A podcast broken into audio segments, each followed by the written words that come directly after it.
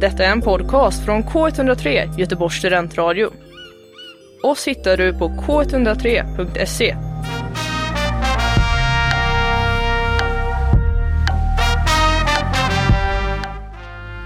Ja, välkomna till K103 live här på Göteborgs studentradio K103. Detta är ett specialavsnitt av nyhetsteamets nyhetstimma. Och eh, jag heter Elvira Hodric och med mig i studion har jag Ellen Hagström. Och Malcolm Johansson. Och Lisa Lind Nilsson. Ni har hört oss varje början av varje timme här på K103 och nu kommer vi ge er ett specialavsnitt av mer om nyheterna som har hänt det senaste.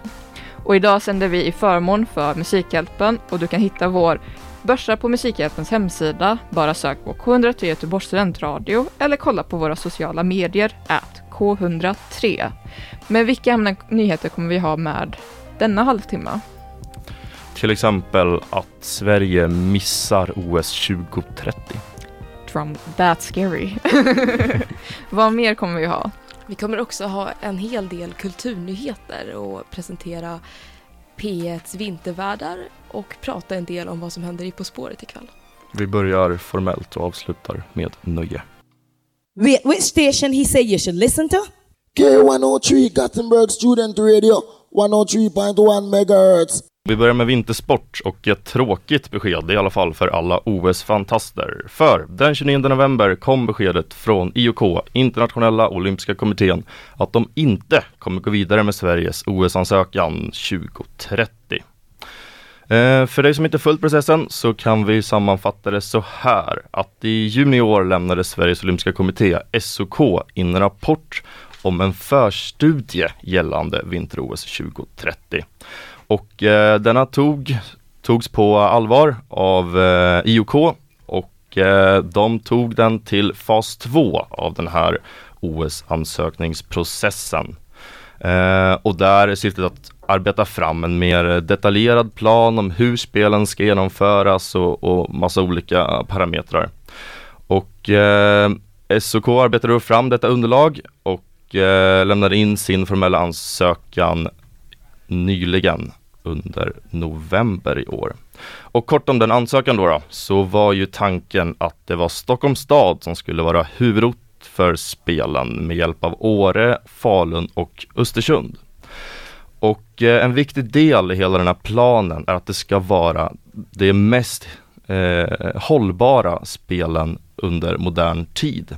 Så uh, målet är alltså att inte bygga några nya arenor, inte påkosta det med mycket pengar eller resurser och därför valde man då att om det hade blivit av så hade man till exempel lagt alla kälksporter i Lettland och även andra sporter i Norge. Men vad tycker politikerna om det här då? Eh, när SVT frågade Stockholms stads finansborgarråd Karin Vangård så var hon positiv till förslaget och även idrottsminister Jakob Forssmed var även han positiv och han ville även lyfta frågan om ekonomiska garantier för spelen som är en viktig del för att det ska kunna gå att eh, genomföra. Men det blev ju inget av detta alls. För som sagt så valde IOK nu i slutet av november att inte gå vidare med Sveriges ansökan alls. Det är alltså nionde gången som Sverige misslyckas med detta.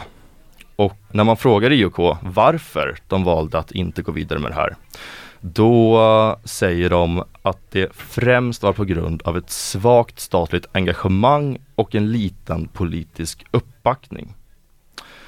Ja, vad säger ni? Vad tror ni om Sveriges framtida ansökningar, mer än denna? Ja, alltså rent spontant så tycker jag att det här är lite tråkigt. Sverige är ju som bekant ett fantastiskt vintersportsland och många av idrotterna som är med på OS lyckas vi hålla stora tävlingar i. Som exempel så har vi världskuppen i skidor som gick av stapeln i Gällivare i veckan och i Östersund nu i helgen. Vi har JVM i hockey som snart kommer till Göteborg, slalom i Åre och så vidare. Och nu känns det ju som att orterna för de kommande vinter-OS är ju i stort sett bestämda. Mm. Förutom 2046 väl? Kan det bli Sverige Oj. då tror ni? Det är eh, långt bort. Vad tror eh, du Lisa? Ja, alltså jag tycker också såklart att det är tråkigt att Sverige inte får hålla. Men sen tänker jag också att alltså, Sverige höll ju vinter eller sommar-OS, ursäkta, eh, senast 1912 Mm. och sen dess har man gjort flera försök om att göra detta igen. Och då känner jag lite spontant att man kanske borde lösa mer problemet till orsaken varför Sverige, eller man borde titta mer på orsaken till varför Sverige konstant får nej istället för att skicka nya ansökningar så fort det kommer på tapeten. Mm. Kan jag känna rent spontant. Hem, och, hem och göra läxorna helt enkelt. Ja, men jag kände det var en väldigt eh, ambiguös liksom, anledning till varför inte. Liksom så här, eh, inte tillräckligt statligt engagemang. Och jag känner typ, vad betyder det exakt? Nej men precis och det är det som är så häpnadsväckande. För när man frågar liksom SOK vad tror ni anledningen till varför det inte gick? Då förstår de ingenting. Så det här var ju en chock för, för, eh, för alla egentligen. Och frågar man till exempel, eh, jag vet att Sveriges Radio gjorde en intervju med Stefan Holm om, om eh, hur han såg på framtiden då efter det här beskedet kom och han var ju väldigt pessimistisk. Han sa nu är det kört. Vi vet inte ens om det kommer finnas någon vinter-OS 2046 Det är på grund av klimatförändringar och så. Det är jättetråkigt men ja, vi kan inte göra mer än att hoppas. Men är detta liksom en liten alltså så här, karma för att vi får eh, Eurovision så många gånger? Det är en väldigt bra, bra eh, reflektion. Exakt, vi, vår budget klarar liksom inte det. Eurovision räcker liksom. Ja, och nu ska vi gå över till skolans värld. För i veckan kom årets PISA-undersökning. Den studien mäter 15-åriga elevers kunskaper i olika ämnen och den görs av OECD, vilket står för Organization for Economic Cooperation and Development och genomförs i 81 länder.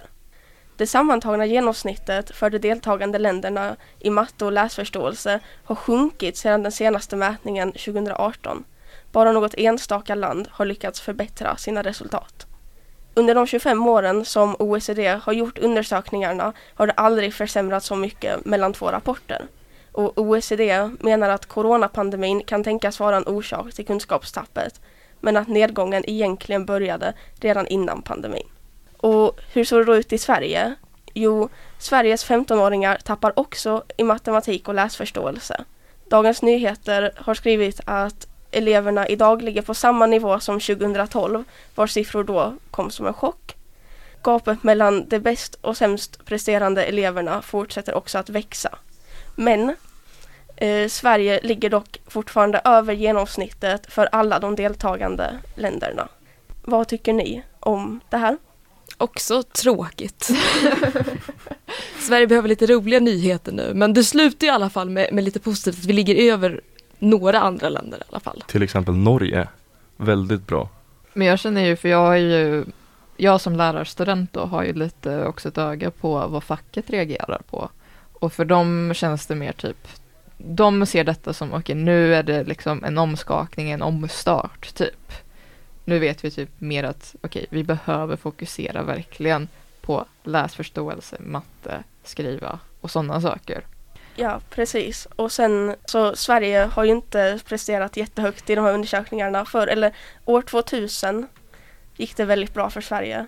Men sen så sjönk det igen då 2012 och sen såg man att en ökning 2018 och nu är vi tillbaka till 2012. Men då väl värt att nämna är det då att alltså 2018 års PISA-undersökning präglades ju av en skandal där det visar sig att Sverige hade tagit bort fler elever Just ur det. urvalet än vad man egentligen fick lov. Och då känner jag ju rent spontant att var det då verkligen en ökning 2018 eller har vi Mm. varit lika dåliga hela tiden? Gud, men alltså de PISA, men det är också så här, man kan ju också ifrågasätta lite vad är det de egentligen mäter. Det är ju väldigt mycket faktakunskap och vad jag har förstått. Ja men precis, vad har den informationen? Var liksom, det, det är väl mer mycket allmänbildning också, jag vet det är mycket Faktakunskap Precis, också. det är ren fakta. Och nu liksom dagens samhälle, vi har inte haft internet länge men, men liksom ChatGPT och, och allt sånt. Hur viktig är den här kunskapen för eh, 15-åringar? Är ju också en, en, en relevant fråga att ställa. Lyssna på Bokkvartetten, en podd om böcker, läsning och allt däremellan. Med mig, Nora, Maja, Alexandra och Lisa. Du kan lyssna på vår podd på K103s hemsida, på Spotify eller Apple Podcaster. Vi släpper nya avsnitt varannan måndag. Från OS och PISA går vi över till lite nöje med Ellen. Ja, du lyssnar ju då på K103 Nyheter med mig Ellen Hagström. Där det nu har blivit dags för veckans kulturnyheter. Och som bekant lackar det mot jul, vilket också innebär att årets vintervärdar har presenterats för P1s räkning. Och Vinter i P1 sänds varje dag klockan 13.00 från juldagen till nyårsdagen. Och programmet har en ganska lång historia där det sändes för första gången 1969 under namnet På Vintergatan och hade sedan nypremiär år 2008. Och de sju personer som kommer att vinterprata i årets upplaga av Vinter i P1 är Kristin Kaspersen, programledare, Sverker Surlin, professor i miljöhistoria, Karin Götblad, polismästare Noah, Kodjo Akolor, komiker, Anna-Lena Laurén, utrikeskorrespondent Ukraina, Olof Wretling, komiker, Thomas Sjödin, pastor och första januari så avslutar Åsa Wikfors, professor i teoretisk filosofi. Och det är en hel del gamla rävar som vi ser i den här line-upen. Thomas Sjödin till exempel har vi inte pratat hela sex gånger tidigare. En annan kulturnyhet är att Göteborgsprofilen eh, Marcus Berggren tävlar i årets säsong av På spåret. Och ikväll ser du honom som vanligt klockan åtta på ettan där han tävlar tillsammans med sin namn Cecilia Berggren som är konst och litteraturvetare. Och namnen till trots så brukar de understryka att de inte är släkt med varandra. Och ikväll så tävlar de mot Sofia Dalén och Kalle Möller, kända från Paradrätten på Youtube. Så ett av På spårets mest gensiga avsnitt går alltså av stapeln ikväll. Och husbandet är K, gästartisten Melissa Horn och programledarna som vanligt Fredrik Lindström och Christian Lok. Och nyhetsredaktionen. Vem hade varit er favoritperson som vintervärd? Eller vem skulle ni vilja se? Ja, vi slår ihop de där två nyheterna. Då säger jag Marcus Berggren då. Jag, jag har aldrig hört, hört han i eh, varken sommar eller vinter så jag googlade snabbt, faktiskt snabbt innan och det stämde. Så visar väl att jag är ett troget Marcus Berggren-fan då, då. Jag hade haft koll på det om han hade gjort någonting. Men jag skulle, skulle säga han. Han är otroligt rolig och hade varit fint att se den andra fina sidan bakom, bakom all humor också. Mm. Och jag skulle då också vilja nominera en annan På spåret-deltagare. Då Kristoffer eh, Garplind. Som det går ganska dåligt för På spåret ofta. Ja, det Men han bjuder på sig själv. Ja, han bjuder på sig själv och det gillar jag för han är också programledare för Cyklopernas land på SVT. Och personligen är det mitt absoluta favoritprogram. Så jag skulle gärna vilja se honom också då som vintervärd för jag tycker att han, han har språkets gåva så att säga. Och han, kan, Vad fint. han, kan- han kan berätta saker på ett roligt sätt. Jag måste säga att det glöder i ögonen på polisen när hon, när hon berättar det här. Noterat. Eller vad hade du, vem hade du velat? Oj. Jag har ingen aning, men jag vet att Åsa Wikfors som ska prata i år, hon höll ett jättebra sommarprat också för några år sedan som jag verkligen kan rekommendera. Men jag kan ju följa på ditt spår om Malcolm. Eh, Marcus hade ju varit rolig att se. Eller hur? Det hade det. Alltså han eh, har ju också suttit på samma stol som jag gör här nu i eh, K103 studio. Det måste vi faktiskt nämna ändå. Det är han stort. har ju varit en del, K103 represent. verkligen. Och det, eh, ja men det, det, det är lite extra, ex- extra stort. En göteborgare och en, en K103are i På spåret studion här i Göteborg faktiskt. Jag undrar när vi får frågan. Väldigt sant. Det är ett eh, samband där. Jag hade nog Verkligen. inte gjort det så mycket bättre än Kristoffer Garplind kan, kan jag gissa. Jag, är så här, jag blir lite för stolt när jag lyckas svara en fråga rätt för att kunna ens tänka på att delta i På spåret. Jag tror att det har gått åt helvete för mig alltså. En fråga ändå starkt Lisa. Men ni ska kolla ikväll klockan åtta. Absolut. Är det eh, rutin eller är det för att vi pratar om det nu? Både och. Både och. Både och. Jag kan uh, vara väldigt frank här och säga att jag aldrig kollat På spåret. Wow. Ja. Har du aldrig kollat på På spåret? Jag har aldrig kollat på På spåret. Och det Med- droppar du nu efter tio minuter. Ja, ja, I just wanna, you know, leave it with a bomb for the listeners. för vad jag lyssnar på det är K103 live varje dag, hela veckan nu. Läs mer om våra program på nätet på k103.se. Hej och välkomna till K103 Göteborgs studentradio med en specialavsnitt med nyhetsredaktionen, så kallad Nyhetstimman. Och eh, från en grupp till en annan. Denna, timman är, denna halvtimman är då med mig Elvira Hodzic. Narmin Abdullayeva. Joram Richter. Sara Fernholm. Och vi kommer börja med en eh, specifik, väldigt specifik nyhet här. Ja, det stämmer. Vi ska börja med att prata om SGS studentbostäders hyresförhandlingar som pågår just nu med Hyresgästföreningen. Och för att sammanfatta då lite grann så pågår just nu hyresförhandlingarna inför nästa år. Och SGS har föreslagit en hyreshöjning på 9,1 procent och hoppas att detta ska träda i kraft i januari. Och SGS är hyresvärd för drygt 8000 studenter i Göteborg och förvaltar 7400 studentbostäder. Eh, hyresförhandlingarna är något som sker varje år. Och år 2023 så höjdes hyran med 4,6 procent. Men detta var efter att SGS då hade avbrutit förhandlingarna med Hyresgästföreningen och istället gått till Hyresmarknadskommittén. Och ursprungligen så yrkade SGS då för en höjning på 8,7 procent. Och år 2022 höjdes hyrorna med 1,9 procent och 2021 höjdes hyrorna med 1,66 procent. Och vi ska nu prata med SGS VD Magnus Paulsson om de pågående förhandlingarna. Så vi pratar då om eh, SGS hyresförhandlingar som just nu pågår med Hyresgästföreningen. Ja. Och till att börja med, hur går det? ja, vi sitter och förhandlar. Det är, det är ett eh, bekymmersamt läge, det kan man väl säga. Mm. Med den kostnadsutvecklingen som är i samhället och den begränsade ekonomin som är för stadens studenter. Mm, mm. Och ni yrkar ju då för en höjning på 9,1 procent. Ja, det är ju så det går till i sådana här förhandlingar. Vi tittar ju på, vi, för det första vill jag säga vi har ju en modell som Hyresgästföreningen och eh, Sveriges allmännytta och de privata fastighetsägarna har tagit fram tillsammans. En modell som vi ska jobba med. Mm. Och den bygger på tre delar. Del ett är att man tittar på kostnadsutvecklingen i samhället på taxor såsom avfall, el, fjärrvärme och så vidare. Mm. Och eh, nummer två då i den tittar man på de lokala förutsättningarna, det vill säga Göteborg i detta fallet. Och sen eh, del tre är då tittar man på, på kunden och i detta fallet är det ju studenter då. Mm, mm. Så de tre delarna i den tittar man och de är gemensamt framtagna då mellan Hyresgästföreningen och Sveriges allmännytta som vi är med i då, SGS. Ja, precis. Men hur hade ni tänkt bemöta, för det, det, det, ni har ju fått ganska mycket kritik nu från studenterna. Hur planerar ni att bemöta den? Ja, vi har fått, eh, fått synpunkter av flera slag, eller på att säga. Men inte så mycket som har kommit till oss på vår kundservice kan jag inte säga angående just föreslagna hyreshöjningen. För det är ju ingången i en förhandling och vi sitter ju och förhandlar nu så att det, utgången av den är det ingen som vet ännu. Utan det är ju någonting som sker i, i förhandling så att säga.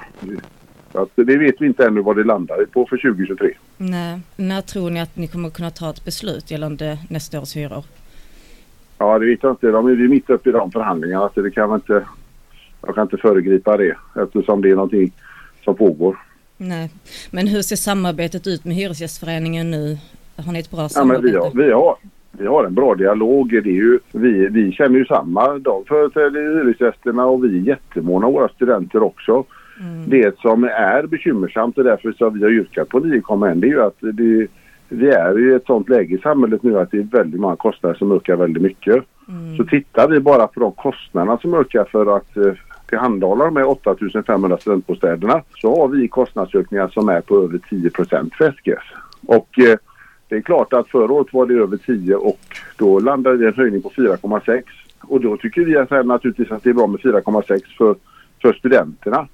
Men vi har ju ända sedan vi stiftelsen stiftades 51 burit fram av en idé att de som bor i lägenhet ska bära det det kostar nu så att man inte skjuter kostnader på framtida studenter. För det är ju annars det som blir konsekvensen om man inte kan göra de insatser på husen som behövs nu då. Mm. Som sagt var, så det, det är det som bär oss. Det är att vi är rättvisa, att det ska vara lika. Men vi vet att jag, i alla tider tror jag det varit tufft för ekonomi för studenten. Så därför har vi stort fokus på att, att hålla nere och hålla så rimliga hyror som möjligt. Mm. Och det som når oss då i kontakt med studenterna det är framförallt att studenterna vill att vi ska tillföra fler studentbostäder och, och att studentbostaden ska vara en likvärdig bostad som alla andra. Och, och att det är en viktig del när man studerar att man har ett förstahandskontrakt och att man kan känna trygghet i sin bostad. Och de bitarna når oss mest via vår kundundersökning måste jag säga. Mm.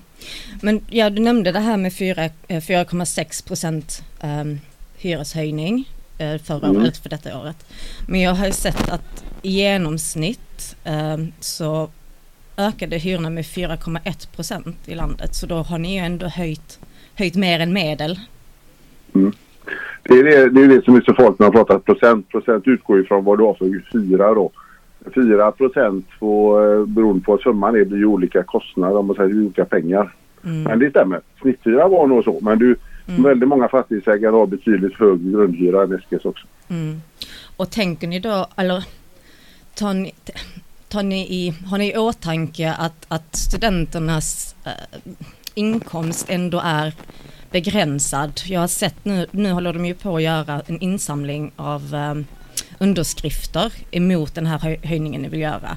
Och då säger Ja. studenterna att, att genomförs den här höjningen så kommer ungefär 52 procent av deras inkomst att gå till hyran medans i, i genomsnitt så det, lägger folk ungefär en tredjedel på sin hyra. Känns, hur känner du kring det? Nej, jag, jag tycker det är bekymmersamt men det är ju som jag ser det, vi, vi gör allt vi kan för att hålla så rimlig hyra det bara går.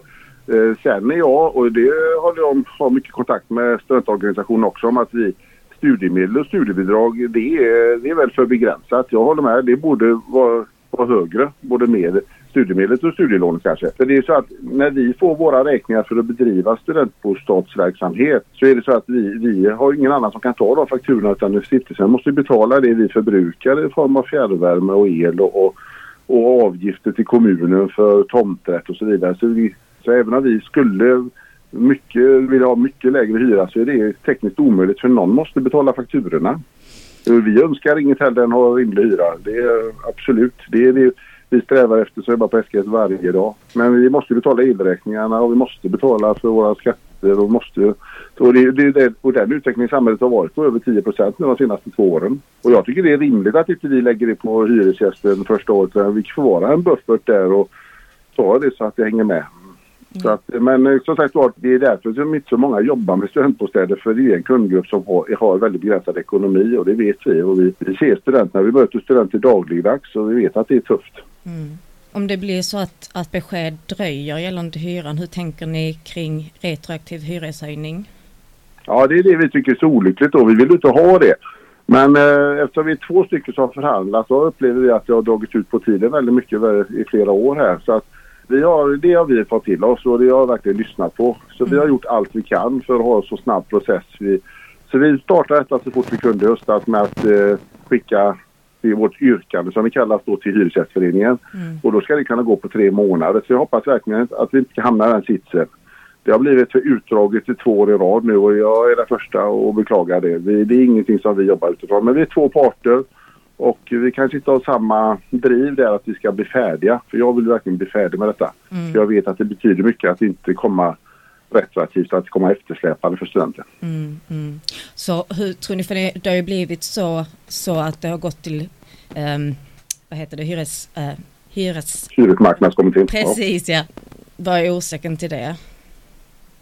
Ja, det är ju det att vi har stått för långt ifrån varandra här i, eh, i, i förhandlingarna och det är ju inte ovanligt. Och det, det tror jag kommer bli en svår förhandling i år också med tanke på att Hyresgästföreningen eh, tycker det ska vara extremt låga höjningar och att då känner SGS att eh, för våran del, jag kan bara prata för våran del, att då, eh, då skjuter vi för mycket av underhållet och då kommer kvaliteten eh, på studentbostäderna över tid bli alldeles för dålig. Eh, Så det, det är liksom ingenting vi kan, kan gå med på så att säga. Vi måste ha vi måste göra det balanserat eh, så att vi väger både studenters ekonomi som är jätteviktig mot också behovet att ta hand om husen så att, så att man inte skjuter de som bor nu skjuter en skuld på kommande studenter. Mm. För det är samma när man pratar med studenter idag. Det är ingen som vill betala för de som bodde för fem år sedan bara fast man inte betalade sitt. Utan våran eh, inriktning är att var och en som bor i studentbostad ska betala det det kostar nu att bo i den. Mm. Och hur ser er dialog ut nu med, med, med de nuvarande studenterna som bor i era bostäder? Vad får ni för Ja, vi- det så pratade vi med dem. Och i förra fredagen så hade vi en inflyttningsdag. Och då var det 225 som var hämtade ut sina nycklar på Kaserntorget och då försöker jag prata med så många som möjligt. Och, och den gemensamma bilden som vi får då det kan hända att det finns en annan bild också. Då hoppas jag att den ska komma till oss. Men det är ju det att det fattas studentbostäder och man säger att det enda sättet att få en vettig studentbostad är via SGS eller Chalmers studentbostäder. Det är, det, det är ju vi som är stora aktörer i Göteborg. Och att de som kommer till oss önskar att det ska finnas, skulle funnits fler studentbostäder som vi hade. Så det skulle vara lättare att få tag i en. Och vi gör ju vad vi kan för att bygga. Men nu eh, är det ju tufft klimat att tillföra fler också. När markpriserna har gått upp jättemycket senaste tiden. Byggpriserna har gått upp och så vidare. Så att ska man bygga nya studentbostäder idag så är det en helt annan hyresnivå. Och det, det är en diskussion vi måste ha med, med studenterna, er studenter då. Vad, vad är, vilken hyresnivå kan man klara av? Eh, För vi ser ju bara, vi lägger ju bara ihop kostnaderna och det kostar att bygga och då ser vi att hyran kommer bli väldigt, eh, ganska hög mot vad vi är vana vid. Jag förstår. Jag förstår. Jag Och det, det, måste, det måste vi stämma av med er studenter. Vi kan liksom inte bygga något som inte ni vill ha eller efterfråga. Okej, men jag tror eh, att det var allt vi hade att fråga egentligen. Om det inte Ja. är något du vill tillägga? Nej, jag önskar bara de som har tankar, funderingar hur hyran är uppbyggd, hur den ser ut. Kontakta oss, prata med oss. Jag vet att det kommer upp anslag och så vidare. Men när jag kontaktar så får jag ingen kontakt. Jag, vi tar gärna här diskussionen och samtalet om, kring detta. Det är viktiga frågor att alla förstår hur det är uppbyggt, systemet, hur man förhandlar, vad hyran består av för kostnader. Jag tycker det är superviktigt. Mm, mm. Okej, tack så mycket Agnes. Tack för att jag fick vara med och prata om detta viktiga ämne. Ingen fara, tack tack. Där har vi. Ta kontakt med, med SGS om ni har några åsikter. Hur många så lyssnar de. För jag vet att det är många, må- jag bor själv inte i SGS-bostad men jag vet att många, många av mina studentkamrater gör det och eh, har många åsikter. Ja, jag kommer ju snart också bli student, äh, SGS. Mm. Vad, vad säger man? Hyr, hyresgäst. Ja, hyresgäst. Ja. Och jag blir också lite så här, I wish I don't regret it. Ja. typ. Men jag tänker det är väldigt bra liksom, att man tar direktkontakt eh, om man har frågor. Vi hoppas att liksom, den här intervjun ändå liksom besvarade några frågor som studenterna kanske har. Och liksom, de har gått runt och funderat på och sånt där. För det här har man ju liksom ändå sett att ja, men dels har det varit en namninsamling som du benämnde. Ja precis, och jag Och tror sen- de är uppe i nästan 800 nu vilket Ja. är deras Mål. deras mål ja. Mm. Så det finns ju många röster där som inte är nöjda med, med hyrorna och är Nej. rädda för att det ska bli en, en, en hög ökning i år. Speciellt när allt annat kostar så himla mycket ändå liksom. Ja, man vill ju inte liksom, ja, men som du nämnde, att det kostar ju nästan halva ens inkomst som student Precis. att bara hyra. Och det Precis. borde ju inte, om vet, normen är en tredjedel, då borde det inte vara någonting mer för en student essentially. Nej jag tycker inte det. Det måste väl finnas någonting man kan, man kan göra där. Ja, och men frågan blir om det är en lokal fråga eller en statlig fråga att besvara.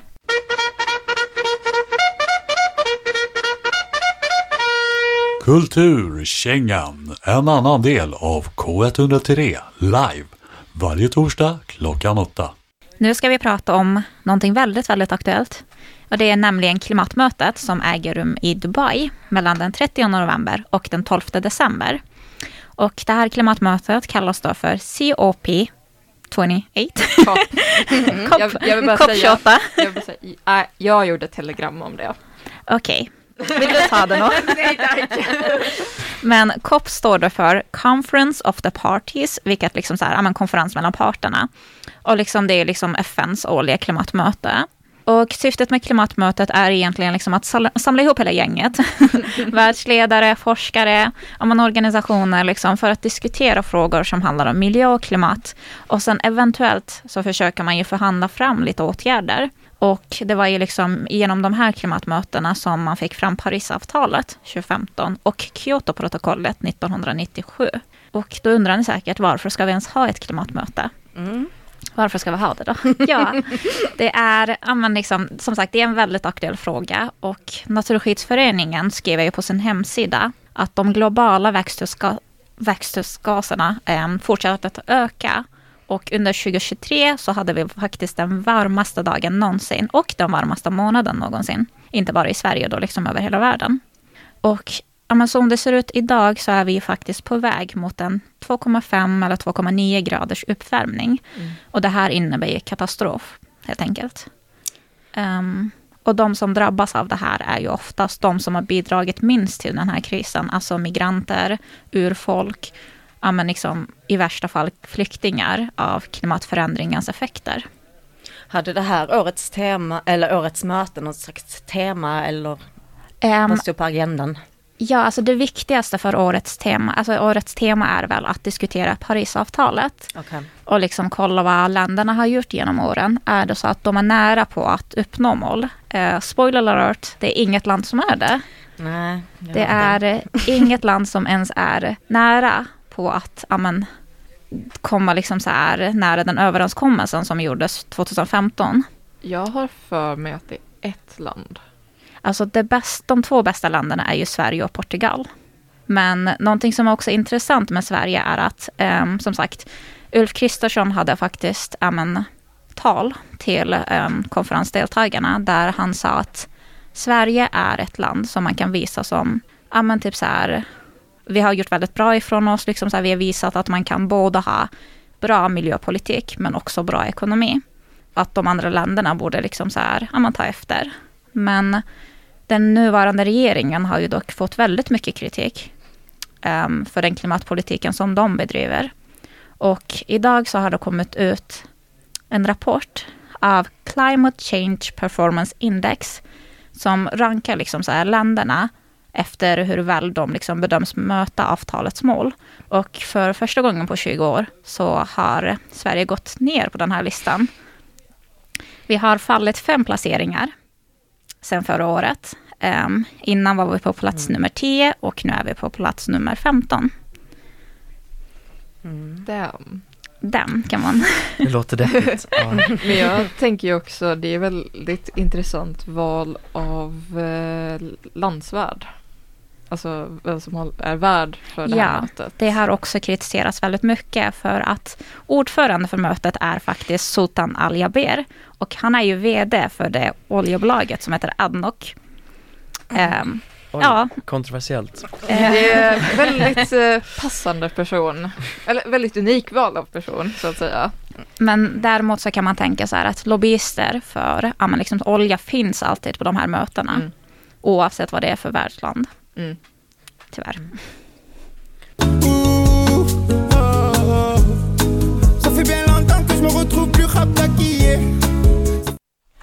Yes, ni kanske undrar vad det var för konstig låt som spelades precis på franska. Och eh, det ska vi prata om nu i eh, nästa nyhetsinslag. Det är så här att biljetter till en barndansuppvisning i Kungälv kallad Jul och kul har felaktigt marknadsförts som en konsert med den franska rapparen Jules. Som vi då hört precis. Det här har skett på externa biljettsajter som till exempel Bands in Town och Shazam. Det här har lett till att föräldrar som ville se sina barn uppträda missar biljetter medan hiphop-fans eh, köper dem i tron att det är en chans att se då deras kära rappare Jules. Kulturskolan och kulturchefen Matilda Sjön i Kungälv försöker nu rätta till situationen genom att förtydliga och hoppas att Ticketmaster kan släppa fler biljetter till föräldrarna så att de faktiskt kan se sina barn. En annan komisk twist det är att det är inte bara Jules som, eh, eh som folk har kommit dit för att se utan det är även så här att en tysk artist vid namn Kühl också felaktigt har kopplats till de här evenemangen. Och man försöker nu spåra de hiphop-fans som har köpt biljetter för att se denna artist. Andrahandsvärdet för de här biljetterna har ju ökat markant. vilket är lite problematiskt för barnen tänker jag främst. Men i en humoristisk vändning så välkomnar nu Matilda Schön både Jules och Kyll att agera förband till den ursprungliga barndansuppvisningen. Även om det erbjuds ett lågt biljettpris och ingen ersättning för re- resekostnader. What a catch. Alltså, Ja, nej så men bra trots... eh, marknadsföring i alla fall. Ja, ändå, ändå. Men jag kan ju ändå tänka mig vilken liksom egoboost man kan få som barn. Liksom. Om det dyker upp Det hade ju en varit något. skara av, av ungdomar eller hiphop-fans. De är för mig! Det hade ju varit något, folk med coola Den kepsar bästa och grejer. dans, dansuppvisningen någonsin. Nej, så eh, trots förvirringen och de här oönskade konsekvenserna försöker ju Kulturskolan hantera situationen och eh, ja, ser fram emot en potentiell oväntad gästframträdande på det här evenemanget.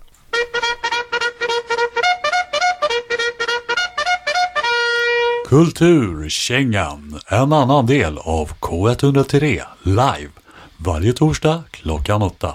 Detta har då varit K103 live med Nyhetstimman med nyhetsredaktionen på K103 Göteborgs studentradio. Idag sänder vi förmån för Musikhjälpen och du kan hitta vår börsa på Musikhjälpens hemsida. Bara sök på K103 Göteborgs studentradio eller kolla på våra sociala medier at K103. Vad har vi pratat om denna halvtimme? Vi har pratat om SKS hyresförhandling med Hyresgästföreningen och intervjuat Magnus Paulsson. Vi har också pratat om klimatmötet i Dubai. Ja, och sen har vi pratat om eh, en barndansföreställning som har blivit till en fransk gangsterrapkonsert på grund av biljettsajter. Och eh, de som ni har sänt här är Elvira Hodgic, Narmin Abdullajeva, Joram Richter och Sara Fernholm. Du har hört en podcast från K103 Göteborgs studentradio. Du hittar alla våra program på k103.se. Följ oss på Facebook eller Instagram. Vi hörs!